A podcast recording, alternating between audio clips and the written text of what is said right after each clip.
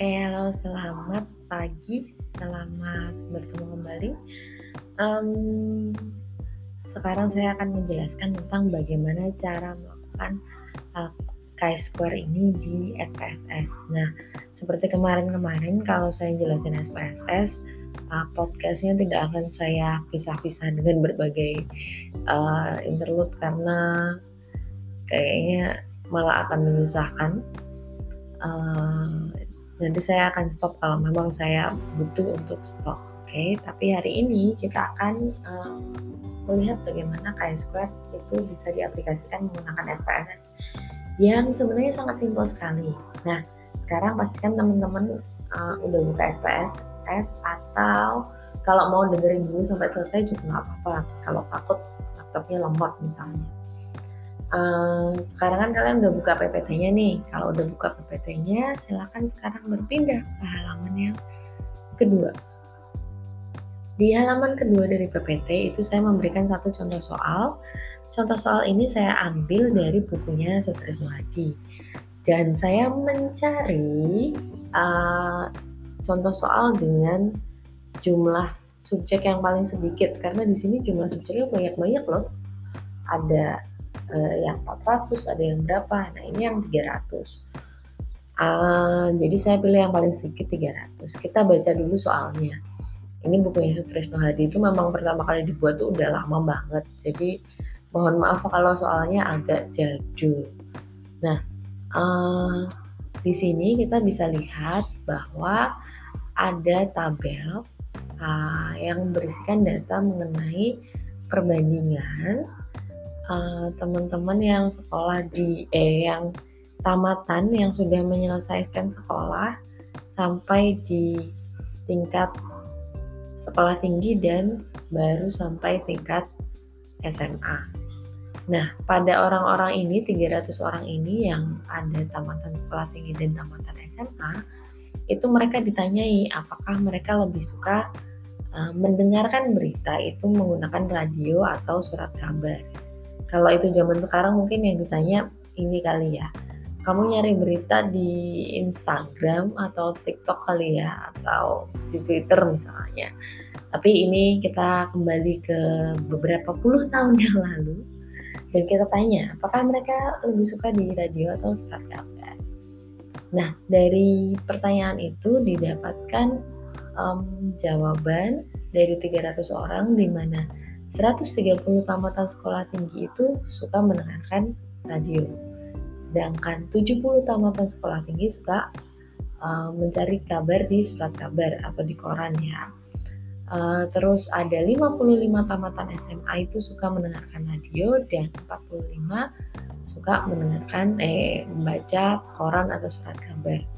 Untuk datanya terdiri dari empat uh, apa namanya dua kali dua dua baris kali dua kolom ya kan jadi DF-nya ini pasti satu ya sama kayak yang tadi uh, tapi total ada 200 tamatan sekolah tinggi dan 100 tamatan SMA jadi hipotesis alternatif di sini adalah terdapat perbedaan yang signifikan antara tamatan sekolah tinggi dan SMA dalam cara mengikuti berita. Ini adalah hipotesis yang perlu kita buktikan. Apakah benar ada perbedaan signifikan antara tamatan sekolah tinggi dan tamatan SMA dalam cara mengikuti berita. Nah, sebelum masuk ke SPSS, saya ingin teman-teman berpikir, kira-kira uh, data kayak gini tuh cara dapetinnya gimana sih?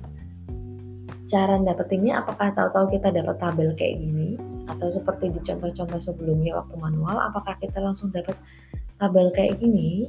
Sepertinya enggak ya kalau ada 300 orang berarti kita harus nanya dulu 300 300-nya lalu kita akan kasih tanda kasih um, pelambangan dari data dengan angka. Nah ini yang perlu teman-teman ingat bahwa proses input data ini akan panjang. Tapi kalau di SPSS input datanya panjang hanya nanti uh, cara analisisnya sangat cepat sekali. Oke kita lihat sejenak sebelum kita masuk ke slide berikutnya di slide ketiga terkait SPSS.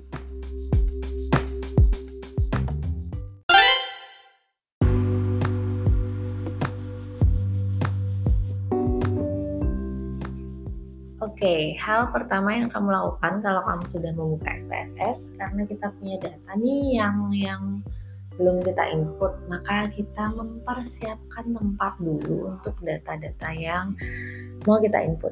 So, kalau kamu udah buka data baru di SPSS, data set baru, maka yang pertama adalah buka variabel view. Yang lupa variabel view yang mana, lihat yang nomor satu nih di, di di PPT slide ketiga ini. Ada yang saya kasih lihat di kiri bawah itu nomor satu itu variabel view silahkan di klik di situ. Ingat nggak variabel view buat apa? Ini untuk nata dulu nih variabelnya itu nanti bentukannya kayak apa. Jadi ketika masuk tuh udah uh, udah sesuai dengan tempatnya. Nah kalau udah buka di variabel view di kolom name tulis satu pendidikan dan dua sumber. Jadi name yang satu pendidikan, yang dua sumber. Ingat di kolom name ini um, kita tidak boleh menuliskan spasi karena ini adalah data yang akan terbaca oleh sistem sehingga tidak boleh ada spasi. Oke, okay, itu langkah yang kedua. Tuliskan kolom name-nya, pendidikan dan sumber. Lalu setelah itu langkah yang ketiga, silakan lihat, itu langkah yang ketiga adalah menuliskan labelnya. Kalau label ini adalah tampilan yang akan muncul di output kita. Nah, itu boleh pakai spasi. Kita bisa tulis tingkat pendidikan dan sumber berita, boleh pakai spasi. Oke, sudah. Nah, sebelum kita ke sebelahnya persis, kita lompat dulu nih ke measure yang di sebelah kanan atau yang saya tandai dengan angka 4. Ada measure. Uh, di measure ini kalian perlu kasih tahu dulu nih sama SPSS kalau data ini adalah data nominal. Lo kok bisa Bu data nominal? Nah, uh, kalian kan perlu tahu bahwa setiap orang yang ditanyain itu cuma ditanya, eh kamu tamatan sekolah tinggi apa SMA? Oh saya sekolah tinggi. Oke. Berarti dia uh, masuk ke grup sekolah tinggi. Terus habis itu ditanya lagi, kamu suka radio atau surat kabar? Oh saya suka radio. Nah, uh, 300 orang akan ditanya seperti ini dengan uh, pertanyaan yang cuma dua punya dua pilihan. Nah, data ini juga yang satu tidak lebih baik atau lebih tinggi daripada yang lain. Oke, okay, kita punya tingkat pendidikan, tapi itu tidak menunjukkan uh, bahwa secara statistik ada apa namanya ada derajat yang berbeda enggak ini kan cuman golongan yang berbeda saja tapi enggak yang satu lebih baik dibandingkan yang lain. Jadi uh, kedua data ini adalah data nominal. Jadi di measure silakan dipilih nominal dua-duanya seperti pada contoh yang keempat. Lalu setelah itu silakan lihat kalau kita punya data nominal berarti kita harus kasih tahu nih arti dari masing-masing data itu apa. Uh, jadi pindah ke yang step kelima di kolom values. Di kolom values kamu nanti klik-klik kayak kemarin inget nggak uh, dulu ketika ngeklik values itu. Ke, uh, masukkan value satu itu sekolah tinggi terus di add terus value 2 SMA terus di add lagi. Buat yang lupa silahkan balik lagi ke pertemuan kita sebelumnya saat ngomongin SPSS untuk cara masukin values-nya. Nah tadi yang sekolah ya lalu di bagian sumber masukkan values 1 radio 2 surat kabar. Kalau teman-teman udah paham ini, silahkan lanjut ke slide yang berikutnya.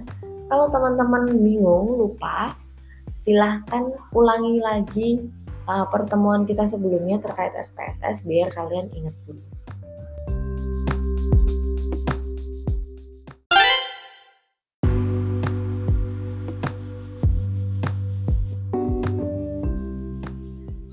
Berikutnya kita pindah ke slide yang keempat.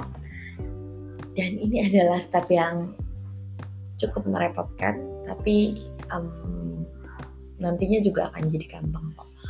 uh, kita buka slide yang keempat terus silakan teman-teman buka data view. Tadi kan buka variable view ya sekarang buka data view. Nah simple yang perlu kamu lakukan di sini adalah kita tahu ada 300 tamatan sekolah tinggi ya nggak? Dan ada 100 eh 300 sorry 200 tamatan sekolah tinggi dan 100 tamatan uh, SMA Tamatan sekolah tinggi itu dilambangkan dengan angka 1 dan tamatan SMA dilambangkan dengan angka 2 di pendidikan. Maka yang kamu lakukan adalah menuliskan angka 1 di pendidikan untuk data pertama sampai data ke 200. Dan menuliskan angka 2 untuk data 201 sampai 300 yang nanti kan jumlahnya 100 wah susah banget bu. Apakah harus ditulis satu-satu? Enggak sih kamu bisa copy angka satu terus kamu paste. Cuman kadang-kadang turunnya agak susah. Jadi mungkin ngopinya kayak bertahap gitu kayak eh sorry paste-nya bertahap tiap tiap 10 atau tiap 20 gitu sampai kamu mendapatkan angka tersebut. Jadi ingat dari angka kalau di bagian pendidikan ya di kolom pendidikan dari angka 1 sampai 200 itu kamu kasih angka satu. Kamu masukin angka satu seperti pada contoh itu terus dari 201 sampai 300 itu masukkan angka 2 oke. Okay? untuk nanti kalau pas pertama nuruninnya pasti agak susah tapi nanti kalau udah uh, akan lebih lancar. Kalau kolom satu sudah lalu kita ke kolom kedua yaitu sumber di kolom kedua yaitu sumber, kita akan lihat nih mahasiswa, eh sorry, tamatan sekolah tinggi yang suka radio itu kan ada 130 orang, ya kan? Maka angka satu yang melambangkan radio itu kamu tuliskan di sumber dari uh, data ke 1 sampai data ke 130. Ini yang pas ke capture di PPT ini kan ada nih 130 maka sampai 130 kasih angka 1. Ingat kalau ini kayaknya udah lebih gampang untuk scroll down-nya. Jadi uh, kamu tulis angka 1 aja di data pertama terus nanti kamu paste copy terus paste sampai 130 angka 1. Itu pasti ketemu. Lalu dari 131 sampai 200 kopikan angka 2. 131 sampai 200 kopikan angka 2 uh, sehingga totalnya ada 70 angka 2 yang sama dengan 70 tamatan sekolah tinggi yang uh, memilih surat kabar. Lalu di 201, nanti kan 201 kan udah mulai SMA nih. Masukkan uh, angka 1 di uh, data 201 sampai 255. Karena ada 55 tamatan SMA yang mendengarkan radio. Sisanya 256 sampai 300 tuliskan angka 2. Oke, paham? Saya harap paham ya karena ini sebenarnya mudah. Cuman repot aja sih copy paste-nya tapi cara inputnya sangat mudah.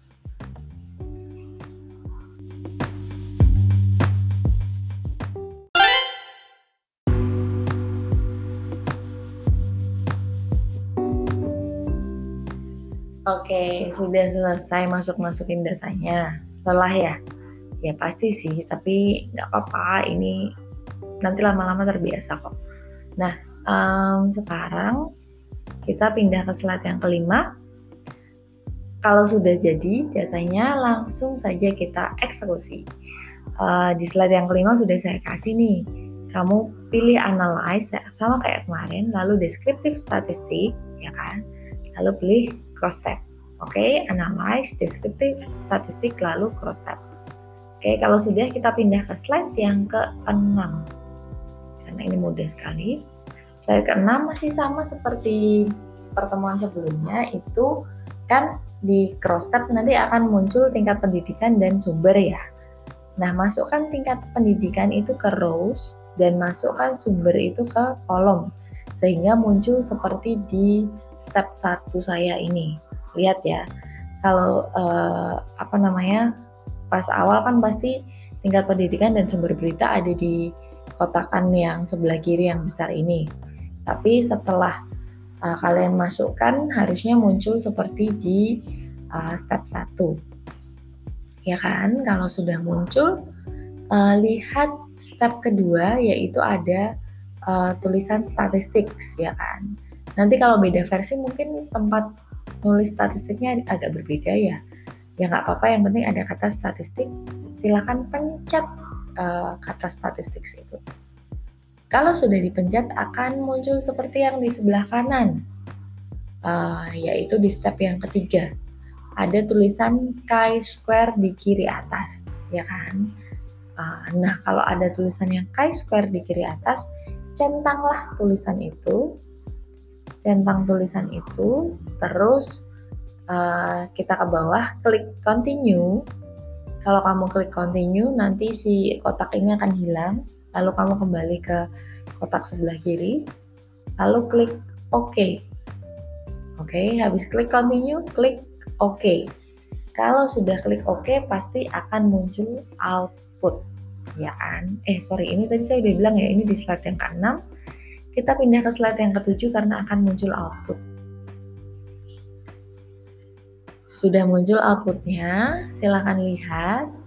Uh, akan muncul sintaksnya di atas nggak apa-apa santai aja terus muncul tabel-tabel tabel pertama menyatakan kayak deskripsinya si datanya itu kalau ada data yang missing pasti itu akan masuk di situ. Jadi kayak kamu salah ketik gitu uh, terus ada data yang gak ke input pasti akan muncul di situ. Nah uh, kemudian akan di tingkat pendidikan akan muncul eh sorry di di yang kedua akan muncul tulisan tingkat pendidikan di tabel kedua. Yang saya tulis angka satu di situ. Kalau kamu lihat-lihat, ternyata tabelnya itu sama seperti soal yang di slide awal tadi. Jadi memang uh, caranya itu kita harus memasukkan dulu semua data, baru kita bisa mendapatkan tabel seperti yang di awal. Nah, setelah itu gampang banget kan di bawah itu ada tabel chi-square test. Tabelnya ini di tempat saya sebanyak ini, di tempat kalian mungkin lebih sederhana. Tapi intinya kamu hanya perlu mencari dua angka saja. Lihat yang saya tandai, itu ada value pada tulisan person chi-square. Nah, kalian hanya perlu mencari value pada person chi-square. Di situ didapati angka 2,82 yang itu sama dengan nilai chi-square yang tertera di bukunya Sutrisno Hadi. Oke. Okay? Dan kemudian uh, selain nilai values ada asymptomatic significance atau ini sama dengan P. Jadi nilai P-nya untuk persen chi-square pada data ini adalah itu ada tulisannya titik 093 atau titik 0,93 eh, itu sama dengan 0,093. Kalau di SPSS 0,0 nggak ditulis 0,0 tapi langsung ditulis titik 093 itu artinya dia 0,093 nah eh, teman-teman uh, nggak perlu nyari tabel nih kalau pakai SPSS karena sudah langsung keluar nilai signifikansinya kan kalian ingat di penjelasan saya tentang kekeliruan. Nilai signifikansi yang dicari itu yang lebih kecil dari 0,05. Nah, tapi ini nilai signifikansinya 0,093 atau bisa dibilang kekeliruannya itu 9,3 persen.